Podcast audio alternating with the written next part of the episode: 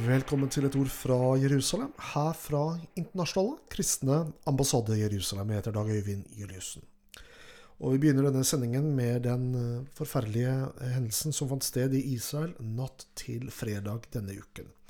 Minst 44 mennesker døde og 150 mennesker ble skadd etter at det brøt ut panikk på en religiøs fest, altså under Lagbe Omer, ved Meronfjellet nord i Israel natt til fredag denne uken. Statsminister Benjamin Netanyahu sier at katastrofen er en av de verste i Israels historie. Tragedien ved Meronfjellet er en av de verste tragediene som har rammet Israel, skriver Netanyahu på Twitter. Statsministeren erklærte videre at det ble landesorg i Israel på søndag. Dødstallet er like høyt som under den kraftige skogbrannen i Nord-Israel i 2010, som antas å være det Israels dødeligste tragedie i fredstid. Antisemittismen er på fremmarsj i Vesten. Canada er et av de flere vestlige land som melder om en faretruende eksplosiv økning i kriminalitet begått mot jøder fordi de er jøder. Trakassering, vold og hærverk. Over syv antisemittiske hendelser ble registrert hver dag i Canada i 2020. Noe som viser at kriminalitet mot jøder tiltar for femte året på rad. Data fra League for Human Rights viser en økning fra 2019 på 18,3% i registrerte antisemittiske lovbrudd i 2020. Flere andre nasjoner i Vesten har rapportert om en lignende illevarslende økning i kriminelle handlinger begått mot jøder de siste årene fordi de er jøder. Det er også slik at det er store mørketall. Mange steder anmelder ikke jøder verbale og fysiske angrep eller vandalisering og hærverk av eiendom. Gravlunder og gravstøtter er et mål som stadig flere antisemitter i flere europeiske land eh, ser, eh, tar ut. Tallene fra Canada viser at hele 15% av den samlede rapporterte hatkriminaliteten i landet i 2019 var begått mot jøder. Jøder utgjør under 1% av Canadas befolkning. Rapporten peker på en rekke spesifikke bekymringsfulle hendelser, inkludert en tale av Angela Davis, som uttrykte støtte til den palestinske terrorgruppen PLO og PFLP, som kjemper for frigjøring av Palestina. Talen var del av et arrangement direkte sponset av Universitetet i Toronto. Menneskerettighetsforkjemper Ran Ukashi advarer mot trenden som viser at jødene er den minoriteten som erfarer mest hatkriminalitet i Canada. Han understreker at hver kriminell handling mot jøder i Canada innebærer et brudd på medmenneskelighet og anstendighet. Den voksne antisemittismen i Vesten kommer gjerne via tre ulike kanaler, et triangel. Og det er den ytterliggående høyresiden, den ytterliggående venstresiden og islamistiske miljøer som er arnestedet for mange av de antisemittiske utspillene som vi er vitne til. I et ferskt intervju med den israelske TV-kanalen I24 News avslører den ukrainske ambassadøren i Israel at statsminister Benjamin Netanyahu er forespurt om å mekle mellom Russland og Ukraina i den svært pågående eh, spente konflikten. Denne høyspente eh, konflikten er, pågår langs situasjonen mellom den russiske og ukrainske grensen. Eh, og Den ukrainske ambassadøren i Israel eh, sier at den israelske statsministeren vil være et godt mellomledd. Dette pga. sitt gode forhold til både den russiske presidenten Vladimir Putin og den ukrainske presidenten Volodymyr Zelenskyj.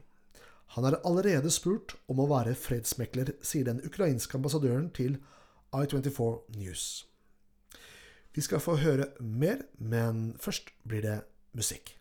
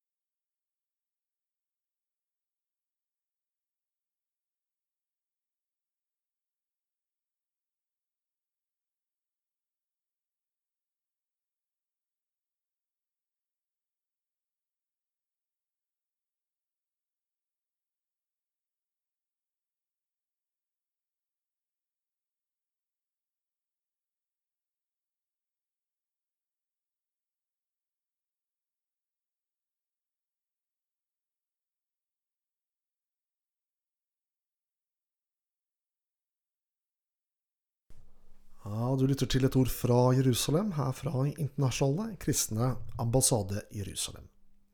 Torsdag 15. april arrangerte vi en pastor- og lederdag. En av appellantene der, det er leder av eh, Ungdom i oppdrag her i Norge, Andreas Nordli. Her skal du få høre hans appell. Våren 2008 så reiste et femtitalls ledere fra Ungdom i oppdrag til Israel. Og En formiddag så besøkte vi den kristne ambassaden i Jerusalem, hvor Malcolm Hedding, ambassadens internasjonale leder den gangen, han hadde bibeltime for oss. Jeg blei helt satt ut, for jeg fikk nemlig åpenbaringa i Guds ord. Og det var som et dekke blei tatt bort fra øynene mine. Jeg oppdaga nemlig noen røde tråder i Guds ord som jeg tidligere ikke har sett. Og det budskapet, det lever i meg enda. Hva, hva dreide det her seg om? Jo, det handla rett og slett om Guds løfter, eller Guds evige hensikt, om du vil.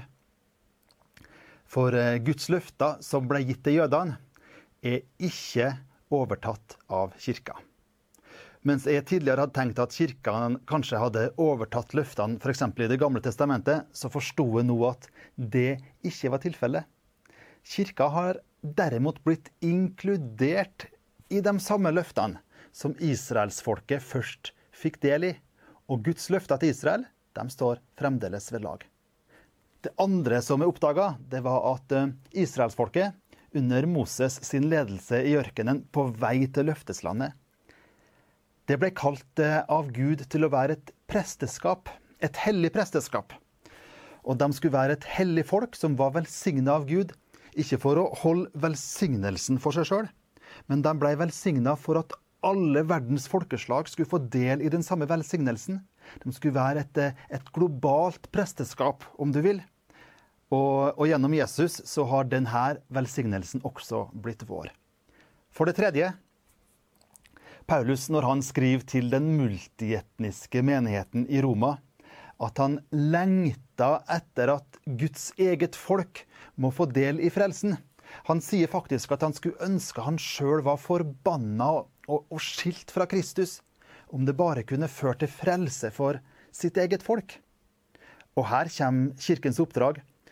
Som evangeliet kom til oss ifra jødene, er det nå vår oppgave å gi den største velsignelsen tilbake til jødefolket, nemlig budskapet om frelse i Jesus Kristus. Det fjerde jeg sitter igjen med, det er at uh, vi tror Jesus en dag skal komme tilbake. Vi vet ikke når det skal skje, men Bibelen sier at det skal skje. Og I Bibelen så finner vi noen tydelige hint på, på ting som må skje først. For det første så må jo evangeliet formidles til alle folkeslag. Og det er en jobb som ikke er ferdig. Fremdeles så bor det over to milliarder mennesker på et sted i verden uten tilgang på en lokal menighet hvor de kan høre evangeliet. Jesus sier sjøl i Matteus 24, 14 at når evangeliet om Guds rike har blitt forkynt over hele verden, til et vitnesbyrd for alle etniske folkeslag, da skal enden komme. Og vi ser i dag at evangeliet går fram i verden i et tempo som vi aldri før har sett maken til i verdenshistorien. Samtidig så, så sier Bibelen òg at Jesu eget folk skal komme tilbake til det landet som de fikk i arv for mange tusen år siden. Og det skjer òg i dag. Og i løpet av de vel siste 120 åra har jødefolket i, i bølger og i tidsperioder vendt tilbake til landet sitt. Og i dag i bølger som vi aldri før har sett. Malcolm Hedding sa at vi trengte å se oppfyllelsen av begge de her løftene før Jesus vil komme tilbake. Og i Ungdom i oppdrag så er vårt kall det det første, nemlig å gi evangeliet til dem som aldri før har hørt. Og så gleder vi eh, oss over det som Gud gjør blant folkeslaget, og de kommer hjem. Jeg har lyst til å bare si tusen takk for det arbeidet som dere i ambassaden gjør i Norge og ute i verden for å undervise Kirken med stor K om Guds løfter. Jeg har lyst til å si at dere må være frimodige og ønske dere Guds velsignelse over alt det dere gjør. Ja, Det var Andreas Nordli du hørte her, leder av Ungdom i oppdrag her i Norge. Du har lyttet til et ord fra Jerusalem, her fra Internasjonale kristne ambassade Jerusalem. Jeg heter Dag Øyvind Juliussen og takker for følget. Gud velsigne deg.